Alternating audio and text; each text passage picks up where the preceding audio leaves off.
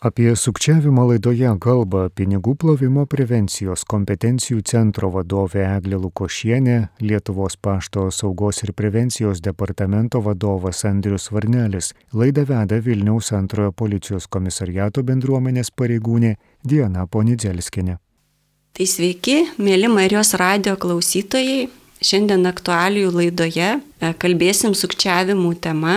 Sukčiavimų tema yra aktuali ir mūsų tikslas, kad jūs labiau atpažintumėt, kad neįkliūtumėt į sukčių pinklės. Tai šiandien su manim laidoje bus Andrius. Andriu, prisistatykit. Sveiki visi, Andrius Varnelis yra, esu Lietuvos pašto saugos ir prevencijos departamento vadovas. Ir su manim bus Eglė. Eglė, ir jūs prisistatykit. Sveiki, esu Eglė Lukošienė, pinigų plovimo prevencijos kompetencijų centro direktorė. Tai pradžiai norėčiau pristatyti situacija, kokia yra situacija Lietuvoje dėl sukčiavimų. Šita statistika apima jau nukentėjusius asmenys, neapima pranešimų, vien kad žmogus susidūrė su sukčiavimu ar pasikesinimu sukčiauti. Tai per aštuonis mėnesius šių metų Tai dėl sukčiavimų buvo pradėta 2861 ikiteisminis tyrimas, 6 ikiteisminiai tyrimai dėl kreditinio sukčiavimo, 350 ikiteisminių tyrimų dėl netikrų mokėjimo priemonių klastojimo ar neteisėto disponavimo ar jos duomenų naudojimo, 609 ikiteisminiai tyrimai dėl neteisėto elektroninių mokėjimo priemonių ar jos duomenų panaudojimo ir, reiškia, 2761 nusikalstama veika dėl nusikaltimų padarytų elektroniniai erdvėjai. Dar norėčiau paminėti irgi straipsnį, tai neteisėtas prisijungimas prie informacinių sistemų. Buvo pradėta 337 kiteisminiai tyrimai ir 10 kiteisminių tyrimų dėl neteisėto disponavimo įrenginiais, programinė įranga, slaptažodžiais, kodais ar kitais duomenimis. Tai iš tikrųjų yra nemaži skaičiai iki teisminių tyrimų ir tuose iki teisminiuose tyrimuose gali būti nukentėjęs ne vienas asmuo. E, galbūt eglė jūs šiek tiek iš savo pozicijų irgi galbūt statistiką šiek tiek pristatykit. Iš finansų įstaigų gaunama statistika, mes šiuo metu turim antro ketvirčio statistiką. Jie lygiai taip pat yra neraminanti ir neraminanti e, ta prasme, kad e, sukčiavimo atveju didėja, matoma tendencija yra į viršų. Buvo kisintas išvilioti per antrą ketvirtį apie 4,2 milijono eurų. Džiugu tai, kad realūs nuostoliai yra mažesni, sukčiams pasisekė išvilioti 2,5 milijono eurų. Vienintelis toksai e, skaičius, kuris yra į, pozityvę pusę, tai tai, kad Išviliota suma pernai metais panašių laikotarpių buvo apie 1600 eurų, šiemet jinai yra mažesnė ir siekia 850 eurų. Bet e, kaip matome tiek iš policijos statistikos, tiek iš finansų įstaigos skaičių, kad sukčiai išlieka aktyvus, jų veikla persikelusi į skaitmeninę erdvę ir turime galimybę daryti greitus ir patogius mokėjimus. Tačiau kartu tai yra ir signalas man būti labai atidiem ir, ir kiekvieną kartą darant pavedimą apmastyti, ar tai nėra sukčiavimo atvejs. Andriu, jūs gal šiek tiek pristatysite? Tai be abejo, mes irgi kaip Lietuvos pašte pastebime didėjančias tendencijas, kuomet sukčiai nu, pradeda naudoti Lietuvos pašto vardą, Lietuvos pašto ženklą Ir šiais metais taip pat analizuojame, vedame statistiką ir, ir matome šituos, šitas atakas, jų kiekius, mastus. Tai iš principo šiuo metu yra labai populiarūs tie sukčiavimai, kuomet yra klientai arba gyventojai gauna SMS žinutės, kuriuose yra prisistatoma Lietuvos pašto vardu ir ne va tai, kad jie yra gavę kažkokias tai siuntas ir ne va tai, kad jas gauti, jie turi sumokėti papildomus kažkokius ar tai muito mokesčius, ar tai įvesti kažkokias tai adreso papildymus ir panašiai, bet e, visa sukčiavimo galbūt esmė yra ta, kad toje žinutėje reikia paspausti aktyvėją nuorodą ir pagal tą nuorodą atlikti tam tikrą mokėjimą. O mokėjimo metu yra atskleidžiami sukčiams mokėjimo kortelės duomenys. Ką tai reiškia? Tai reiškia, kad sukčiai tiesiog įgyja įrankį arba instrumentą atlikti neteisėtom operacijom iš, iš, iš, iš gyventojo sąskaitos. O sakykit, pas jūs yra kažkokia statistika, kiek va tų pranešimų jūs gaunat, kad va, buvo pasikesinimai ar nukentėjusių asmenų? Tai jeigu kalbėti apie skaičius, tai mes e, vien tik tai šiais metais mus informavo apie 2000 gyventojų apie tai, kad, vad žiūrėkite, Lietuvos pašto vardu yra siunčiamos tokios žinutės. Džiugu bent jau tai, kad didžioji dalis gyventojų praneša kaip jau žinodami, kad tai yra sukčiai ir dar nepraradę tų pinigų. Tačiau pasitaiko ir tokiu atveju, kai sako, ką mums dabar toliau daryti, vis dėlto mes šituo šitą informaciją atskleidėm, kortelės duomenys suvedėme. Tai sakykime, mes jo turime apie 2000 gyventojų pranešimų, be jokios abejonės reaguojame, tai yra esame tiek ir Skelbėme apie šitos sukčiavimus tiek ir Lietuvos pašto oficialiame tinklapyje, socialiniuose tinkluose ir lygiai taip pat informuojame teisėsaugos institucijas. Tai šiuo, per šiuos metus esame jau pateikę 12 pareiškimų e, teisės saugai su visais pasikesinimo atvejais ir labai tikimės, kad teisės saugai įsitrauks į tuos tyrimus ir, ir aktyviai bandys taip pat e, stengtis, kad nu, tokio pobūdžio sukčiavimai mažėtų. Ir lygiai taip pat labai džiaugiamės mūsų pačių gyventojų pranešimais ir tai yra labai mums svarbu operatyviai gauti informaciją apie tokio pobūdžio sukčiavimo atvejus. Tai mes tokiais atvejais turime galimybės greitai informuoti nacionalinio kibernetinio saugumo centrą ir tos nuorodos tokiu atveju būna užblokuotos, užblokuotos labai greitai. Tai tame tarpe ir jau ir operatoriai tą informaciją pasiemė, tai saugome, saugome tiek ir, ir tuos visus klientus, sakykime, nuo, priklausomai nuo to, kaip greitai tą informaciją gauname. Jūs labai gerai palėtėt vieną sukčiavimo būdą SMS žinutėmis. Tai mes teisės saugą su kuom susidurėm, tai šiek tiek norėčiau įvesti klaus, klausytojus tavo tokį sukčiavimo būdą, kaip atpažinti ir kas tai yra. Tai pas mus, reiškia, iš tų statistinių duomenų dominuoja SMS žinutės apsimetant banko atstovais, tai gali būti ar Švedbanko, Sebanko, tai nelabai svarbu, bet esmė siunčiamos SMS žinutės, kur turinyje yra nurodoma na, tam tikra informacija. Aišku, ta informacija įprastai būna tokia stresinė, reiškia žmogui, kuris gavo tą žinutę. Tai arba jūsų sąskaitos užblokuotos, arba jūs turit kažkokių finansinių įsipareigojimų, ar, ar bet paskutinės, reiškia, žinutės tokios buvo gautos, kad, reiškia, jūs turite problemų su programinė e, visa šita, kaip čia, su, su interneto bankų problema.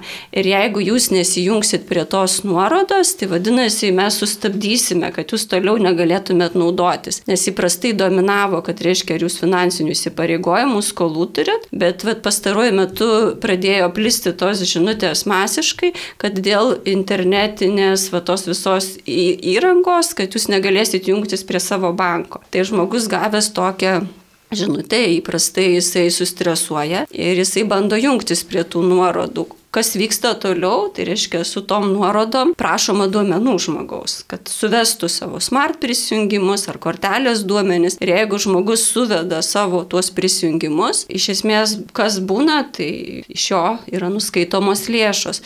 Tai pirmas dalykas, ką galbūt reikėtų atkreipti dėmesį, kad gavus tokią žinutę, neskubėti jungtis prie prisektų nuorodų. Nes bankas įprastai turbūt nuorodų nesiunčia. Galbūt Eglė šiek tiek jūs galėsite šitoje vietoje pakomentuoti. Norėčiau šitoje vietoje tikrai pakomentuoti ir, ir turiu patarimą. Niekada nespausti jokių nuorodų, kurios yra SMS žinutėse. Jeigu jau pasidaro neramu, ar tikrai yra kažkas su, su, su banku ar su kita institucija, tai tiesiog nueikit ir savo rankomis su, su, suveskite to banko e, interneto puslapį. Ir tvarkingai, kaip ir kiekvieną dieną, jeigu jau darot mokėjimus, junkitės per pagrindinę sistemą banko ar, ar kitos institucijos. Nes jeigu spausti nuorodų iš SMS ar iš elektroninio pašto laiškų, nu, sakyčiau, kad ne tik, kad nerekomenduoju, bet e, norėtus pasakyti griežčiau, griežtai ne.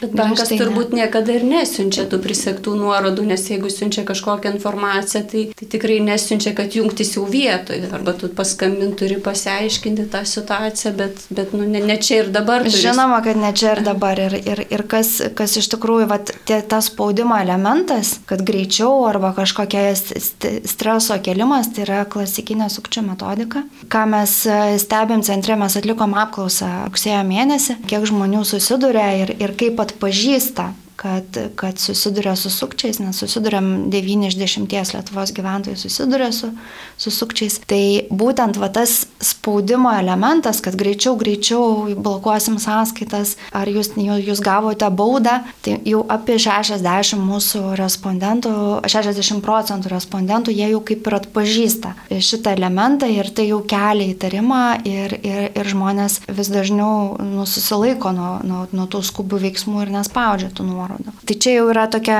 gera žinia iš tikrųjų. Vėlgi yra ir, tas atpažin, atpažįstamumo elementas, jis jau vis labiau žinomas visuomenė ir, ir tie patys klaidos SMS-ose, dažnai tai būna su klaidomis, netaisyklinga lietuvių kalba parašytos žinutės. Tai, tai irgi yra pastebama. Patys telefonų numeriai, iš kurių, iš kurių gauti tie SMS, jie vėlgi dažnai būna nelietuviško, nelietuviško adreso, adreso nelietuviško kodo. Tai va žmonės jau pastebi tokius dalykus. Jeigu ten kalbėtume apie dar kitus, ne apie SMS sukčiavimus, apie ten tą patį investicinį sukčiavimą, tai rusakalbiai skambintojai irgi toksai klasikinis atvejis, kas irgi turėtų kelti didelį, didelį susirūpinimą ir, ir įtarimą apie sukčius, jeigu žmogus gauna tokį skambutį. Tai ką noriu pasakyti, kad e, turime išlikti atidus, kartu norisi ir pasidžiaugti, kad žmonės vis geriau atpažįsta tuos vat, sukčių veikimo būdus ir, ir nepasiduoda jiems.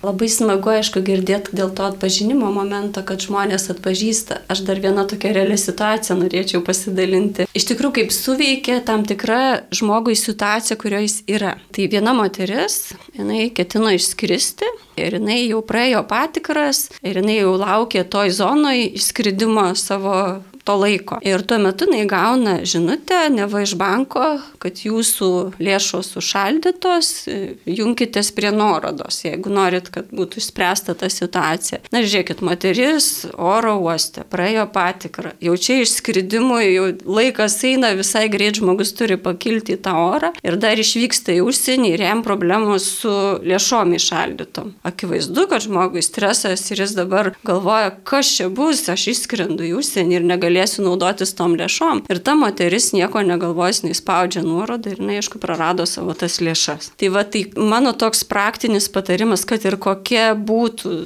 ta situacija atrodytų, aš čia skrendu, ar, ar čia irgi kažkokia, nu, tikrai man tų pinigų atrodytų dabar reikia, tikrai reikėtų neskubėti spausti tų nuorodų. Pirmas dalykas, ką galim padaryti, tai susirasti oficialų banko telefono numerį, aišku, ne tą, kur prisektas e, žinutė, nes jis gali būti tų pačių sukčių tas telefonas ir pasiskambinti tuo telefonu ir pasitikslinti, ar tikrai pas mane yra kažkokių finansinių įsipareigojimų, ar mano lėšos užšaldytos. Tai va čia tas momentas labai labai svarbus, kad ir kokia bet atrodytų ta stresinė, kritinė situacija, kad tas blaivus protas, na, pirmoji vietoje suveiktų. Net ir padeda, na, paprastas dalykas, na, paskambinti savo artimui pasitarti. Ir tada jau tu šiek tiek atsitraukęs kitaip matai ir kitaip vertini tą situaciją. Tai va dar ką aš norėčiau paminėti, tai irgi pastarųjų tų mėnesių, ne tik savaičių, bet balandžio mėnesį tai buvo tikrai ypatingai daug mokesčių inspekcijos žinutės. Kad tu neva gavai baudą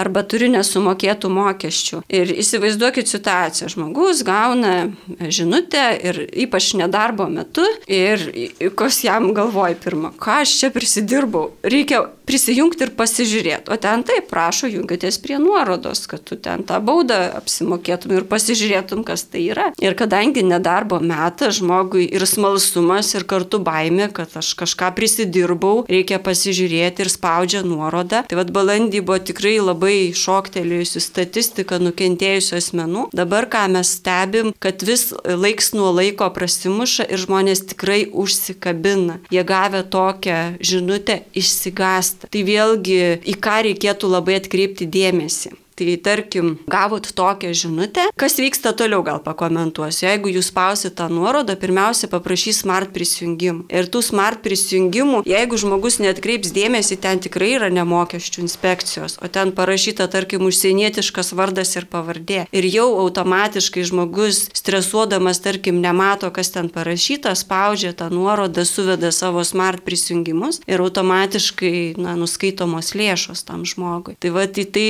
reikėtų reikėtų irgi labai atkreipti dėmesį, bet pirmiausia, na, nespausti tų nuorodų, prikabintų bet kokio turinio žinutę gavus, ar tai mokesčių inspekcijos, galva paskutinės savaitės duomenim tai Vilniaus vandenys. Dar to neteko mums susidurti, bet paskutinės savaitės duomenimis, reiškia, žmogus gavo Vilniaus vandenų pranešimą, kad jūs turit skolų ir, reiškia, e, turit jungtis prie nuorodos, nes kitu atveju bus nutrauktas vandens tiekimas. Ir žmogus prisijungia ir jis neteko savo lėšų. Tai va čia atkreipkite, tai gali būti bet kokio turinio tos SMS žinutės, bet visą laiką yra raginama jungtis prie nuorodų. Galbūt jūs, jūs Andriu, norėčiau paklausti, vis tiek Lietuvos paštas susiduria, gal jūs galite pakomentuoti, vad kokio turinio žinutės gauna žmonės ir tuos skirtumus, vad ką paštas iš tikrųjų gali siūsti ir ko negali siūsti. Jo, labai geri pastebėjimai buvo dėl to psichologinio spaudimo ne, ir greitumo viso, viso dalyko ir vėlgi tai sutikite, kad ir tos siuntos gavimas, jisai tą tokį džiugesį suformuoja pradžioje, o va siunta atkeliavo, dabar man čia mažai bereikia kažką padaryti, dar kažkokį tai veiksmą, vad duomens įvesti kažkokią tai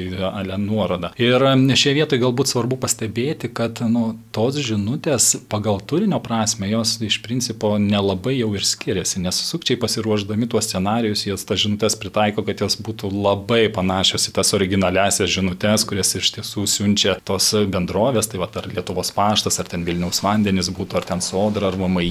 Tie scenarijai yra labai artimi tos tikrovės. Ir šioje vietoje lygiai taip pat pastebima, kad jau ir tas turinys, gramatinė išraiška, jisai tampa visiškai tvarkingai surašytas, jau net be jokių tokių akivaizdžių gramatinių klaidų, kur anksčiau galėtų būti tam tikras signalas, kad kažkas yra negerai su žinutė. Tai jeigu kalbėt apie tam tikrus vat, pavyzdžius, tai, nu, vat, kaip pavyzdys, prašome atnaujinti prekės adresą ir per 24 valandas, kitu atveju gražinsime ją į vykdymo centrą. Ne? Tai vat, viena iš, vienas iš galimo žinutės pavyzdžių. Irgi spaudžiamas laikė, kad neturėtų tą veiksmą padaryti padaryti vat, spaudimas, tada tas psichologinis džiugesys, kad va jau to įgausiu, tik reikia va šitą mažą veiksmą atlikti. Ne? Tada, kaip pavyzdys, gali būti, kad mes vat, nepristatėme jūsų paketo, nes jūsų gatvės adresas yra neužbaigtas suvesti į sistemas. Ne? Tai vėlgi, sakykime, žmogus, suprasdamas, kad tai yra nu, maža grėsmė įvesti papildymą tokiu būdu ir, ir, ir gauti siuntą, jisai jau tą dalyką veiks,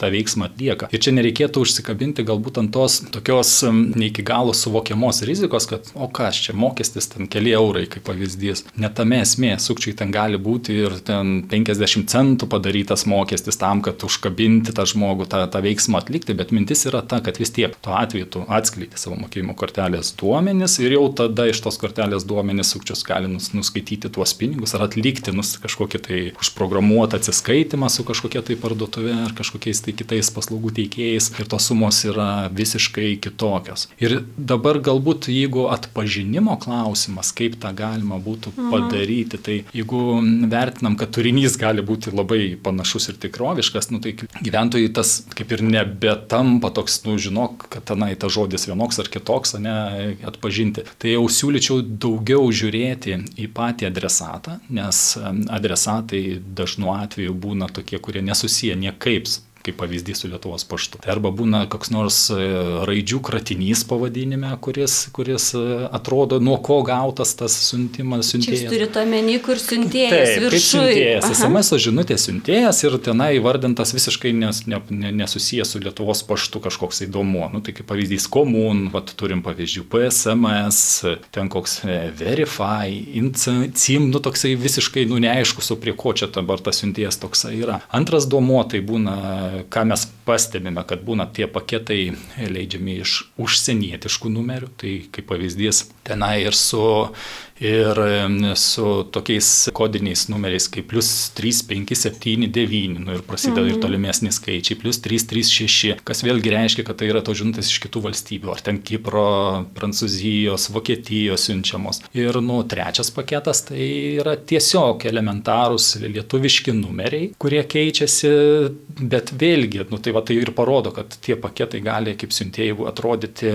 įvairiai, bet tai nėra susiję su Lietuvos paštu. Tai gerai, žiūrėkit, Andriu, ar paštas turi, va, pažiūrėjau, pavadinimą, kai sako Taip. ten raidžių kratinys, o kaip va žmogų atskirti? Lietuvos paštas naudoja du pavadinimus, tai yra L paštas arba LP Express. Tai yra vienas iš Lietuvos pašto ženklų naudojamas. Ir dar galbūt pastebėjimas, kad e, iš principo dabar va, nuo šių metų birželio mėnesio atsiradęs yra ryšių reguliavimo tarnybos įpareigojimas, kad operatoriai mobiliojo ryšio jie negali praleisti SMS žinučių, jeigu jie yra imituojami vat, tokių bendrovių vardu. Vat, kaip pavyzdys, jeigu bendrovė yra informavusi operatorius, kad L paštas yra naudojamas tik tai Lietuvos pašto ir niekino kitų, tai jau operatorių pareiga yra nebepraleisti iš kitų siuntėjų žinučių, kurie bandytų imituoti L pašto pavadinimą. Ar tai būtų LP Expressas, Express pavadinimas ir panašiai. Tai tas vat, saugiklis yra labai svarbus padarytas, kuris jau yra naudojamas. Ir lygiai taip pat vat, yra labai svarbus su šituo pakeitimu padarytas veiksmas,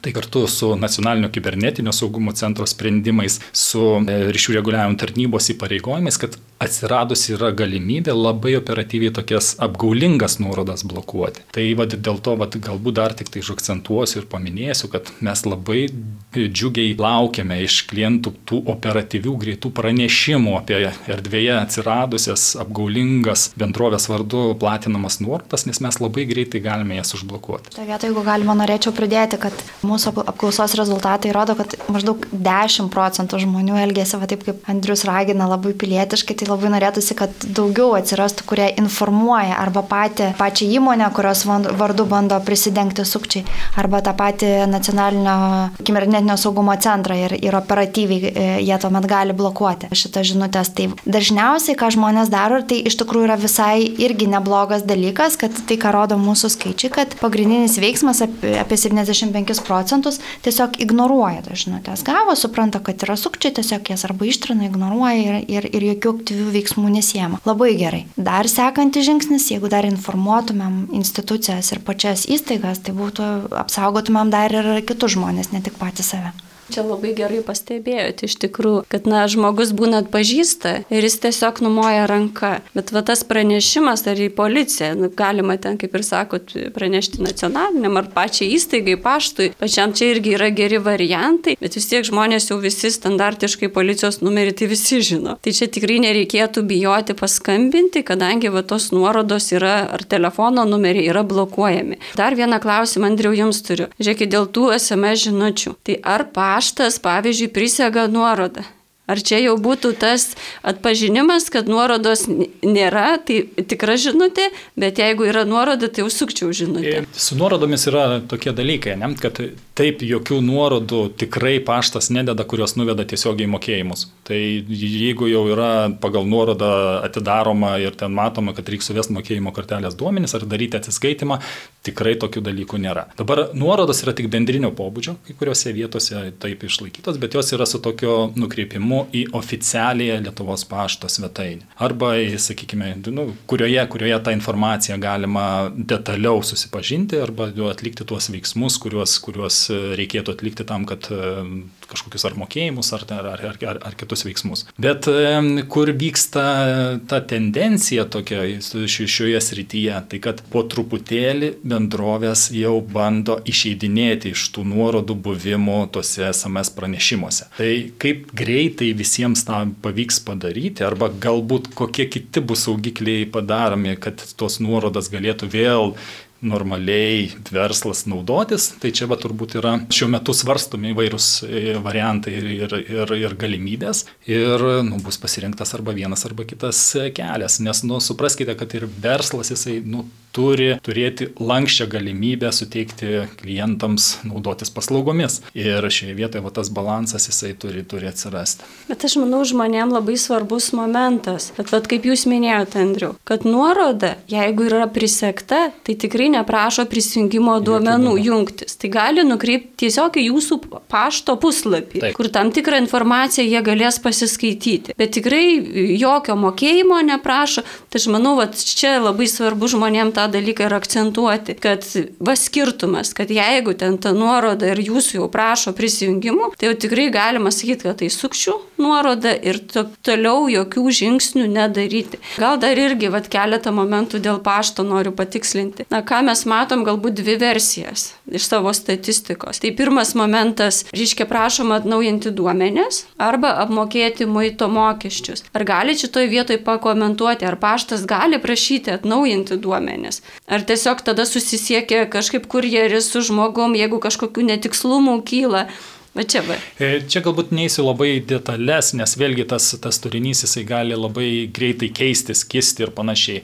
Tai reikėtų vis dėlto tą laikytis tokio principo, kad visa informacija yra oficialiame Lietuvos pašto tinklapyje. Ir iš principo, vat, į jį nuėjus, jeigu tenai yra parašyta, kad taip atnaujinkite duomenis arba taip vat, atlikite kažkokį tai mokėjimą pagal savitarnos jau ten, sakykime, esančius, to, to sakykime, nuorodas, ne, tai tai yra viskas tvarkoje, bet reikia patiems savarankiškai prisijungti prie to e, e, internetinio puslapio, o ne apie kažkokias tai nuorodas, nesakykime, ir, ir šioje vietoje, nu, tada viskas kaip ir turėtų būti tvarkoje. Turėtų omeny, kai siuntos būna tie skaičiai ilgi suvedami. Taip. Va čia, jeigu žmogus pats įėjo į pašto puslapį, Taip. suvedė tą savo siuntos numerį ir jau tada jo prašo atnaujinti. Taip, tada mato visą tolimesnę informaciją, ką reikėtų atlikti ir, ir ką, ką reikia daryti. Tai iš esmės taip, kad paštas tokia atveju nesiunčia nebent gali pranešimą atsiųsti, Taip. kad reikia prisijungti prie puslapio. Prie savitarnos,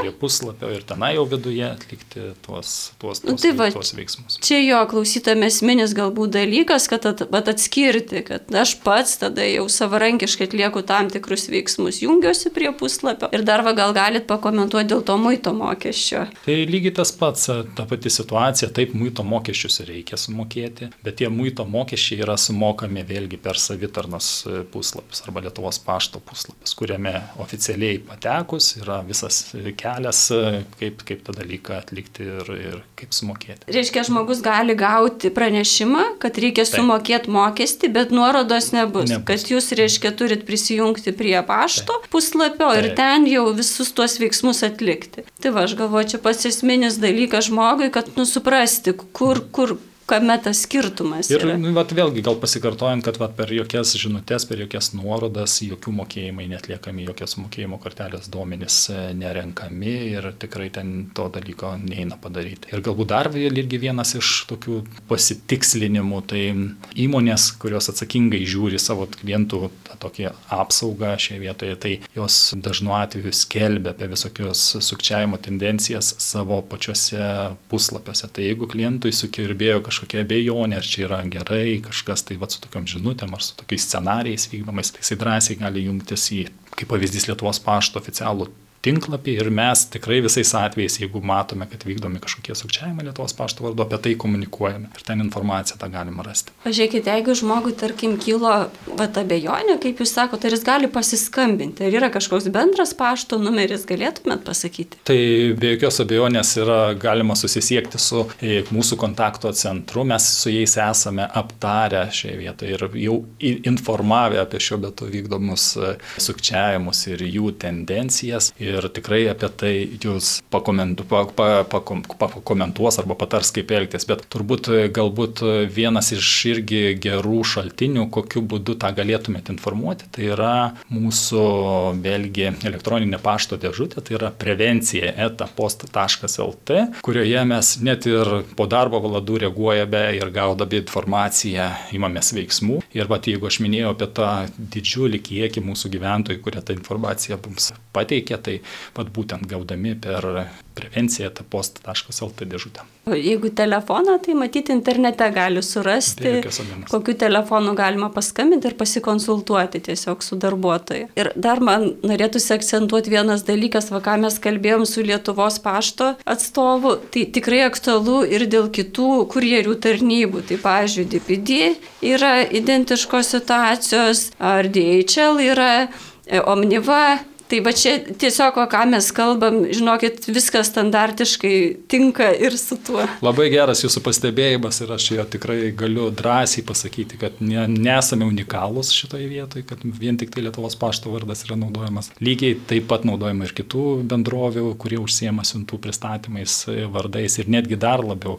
Tai yra ir visame pasaulyje naudojami įvairūs logistinių kompanijų, sakykime, pavadinimai ir su tokiais pačiais scenarijais. Tai čia ne Lietuva kažkuom tai unikali, o visame pasaulyje tas vyksta. Ačiū labai. Aš dar dabar norėčiau paliesti kitą sukčiavimo būdą, nes paskutinę savaitės duomenim irgi pastebėjau tokį dalyką, kad, na, dabar suintensyvėjo sukčiavimas dėl investicijų. Tai va, jūsų eglė šitoje vietoje paprašysiu pakomentuoti, su kuom jūs susidurėt, va, būtent dėl tų investicinių sukčiavimo būdų. Tai investiciniai sukčiavimai specifiniai yra tuo, kad neretai pati schema yra tokia, kad skambina rusakalbiai asmenys ir kviečia investuoti. Tas investavimas yra skatinama investuoti taip, kad raginama parsisiųsti ar, ar kokią programėlę, ar jungtis prie platformos. Ir esminis elementas, kuris va išduoda, kad tai yra su, tikrai sukčiavimas, aišku, pirmą rusakalbiai, bet nebūtinai, dažniausiai rusakalbiai, kad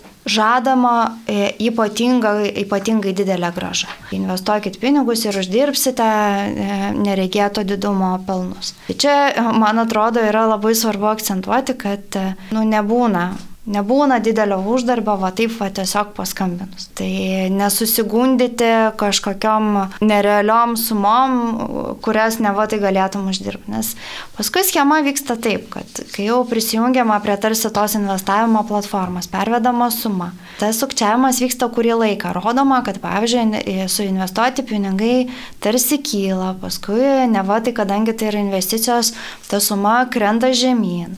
Bet reikia suprasti, kad visa tai yra netikra. Tai yra klastojamos tos ataskaitos. Tie pinigai jau senai nuėję sukčiam ir jie jau juos išsigryninę kažkur kitam pasaulio gale.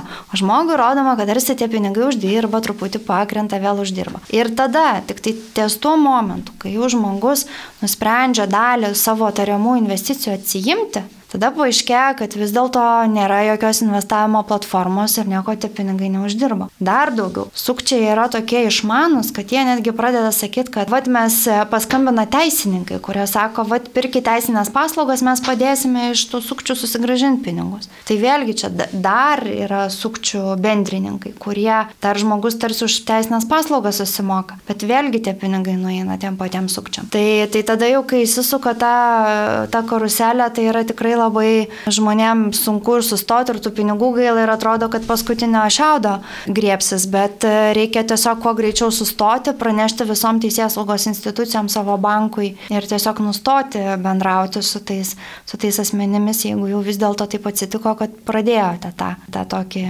negerą kelią. Žiūrėkite, Eglė, gal galėtume tokį vat, atskirimą žmonėms irgi pasakyti, kad, na, vad sako, tie procentai aukšti.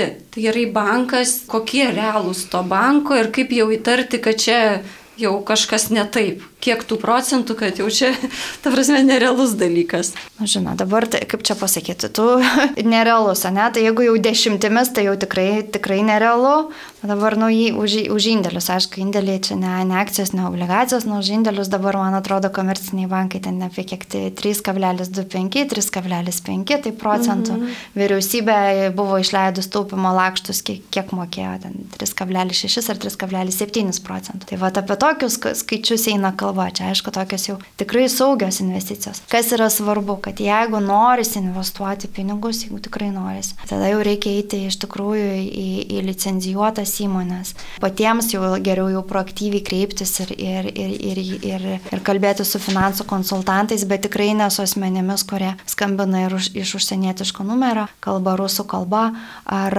susisiekia su jumis per, pavyzdžiui, socialinius tinklus. Socialiniai tinklai, jie vėlgi turi daug pliusų bet turi ir tokį minusą, kad jie mus labai padaro artimus sukčiams ir čia mes nežinau, ar šiandien kalbėsime apie romantinį sukčiavimą, bet, bet investicinis sukčiavimas dažnai būna to romantinio susižavėjimo sukčiumi, kur galvoju, kad tiesiog e, žmogus tave įsimylėjo ir tu žiūrėk jau jį įsimylėjo, paskui viskas baigėsi tuo, kad skatina investuoti, uždirbti pinigus ir, ir galiausiai būna prarandami pinigai. Jūs gerą mintį pasakėte apie socialinius tinklus, tai gal aš irgi vat, vienu tokiu sukčiavimo būdu pasidalinsiu, kai buvo e, Facebook'e platinama tokia žinutė dėl Mykolo Davidavičiaus, reiškia, tos istorijos, kad neva buvo sukurta ta tokia istorija, kad, na, jis buvo nužudytas, kadangi ten investavo ir dėl, viskas vyko dėl tų pinigų. Ir ten labai reklamuojama buvo platforma, kad ten dėl naftos investuokit ir, reiškia,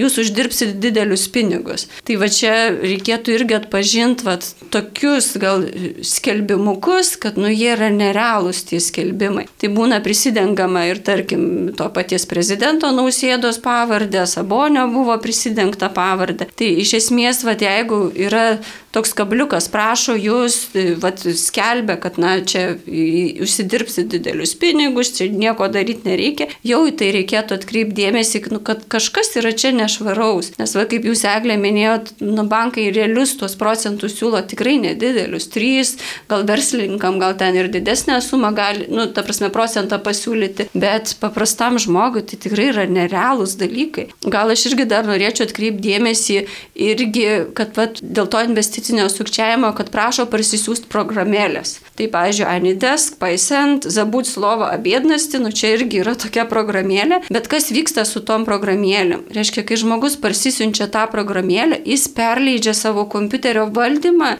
tiems sukčiam į rankas. Tai jeigu jau jūsų prašo atsisiųsti tam tikrus dalykus, jau tai turėtų sukelti tarimą, kad čia yra kažkas ne taip. Ir kitas dalykas, na, yra tam tikros platformos. Vat kaip to David, Davidonio, reiškia, istorija, kad, reiškia, na, siūlo, ten buvo, neatsimenu pavadinimo, bet žinau, kad dėl naftos investuoti. Tai čia ir Binance, va, paskutinė Ulster Bank, Oilpam, Metamask, tai ten jau visokių yra, tai irgi reikėtų įtarti, kad mat, tam tikrą platformą siūlo, reiškia, ten įnešinėti tuos pinigus. Gal dar Andris šiek tiek pakomentuokit. Labai gera irgi tema su socialiniais tinklais ir iš principo ten vėlgi terpės, kur yra tie sukčiai įsitraukia ir jie visus istorijas kūrė ir visokiausius paveiksliukus deda, tai vėlgi pastarųjų va kelių savaičių mes turime pavyzdžius, kur vėlgi sukčiai naudoja Lietuvos pašto vardą. Socialiniuose tinkluose, Facebook'e yra sukūrę labai panašų Lietuvos pašto pavadinimą, panaudodami visus įmanomus Lietuvos pašto logotipus, spalvas ir panašiai. Ir jie siūlo, kad skelbėsi, kad ne va tai Lietuvos paštas atlieka sandėlio siuntų išpardavimą, tai yra tos siuntos, kurios ne va tai klientų neatsimtos, pamirštos ir panašiai. Tai jie dabar va siūlo labai gerai geromis sąlygomis jas įsigyti. Tai yra už 2 eurus nusipirkti tenai kompiuterį, telefono aparatą ir panašiai ką reikia padaryti, tai tiesiog sekti tas nurodymus, paspausti nuorodos esančius mygtukus, tai yra sudalyvauti kažkokia tai fiktyvioje nu, arba loterijoje be pralaimėjimų, kur atsakymai, kokį be atsakysi, jisai bus teigiamas, ne?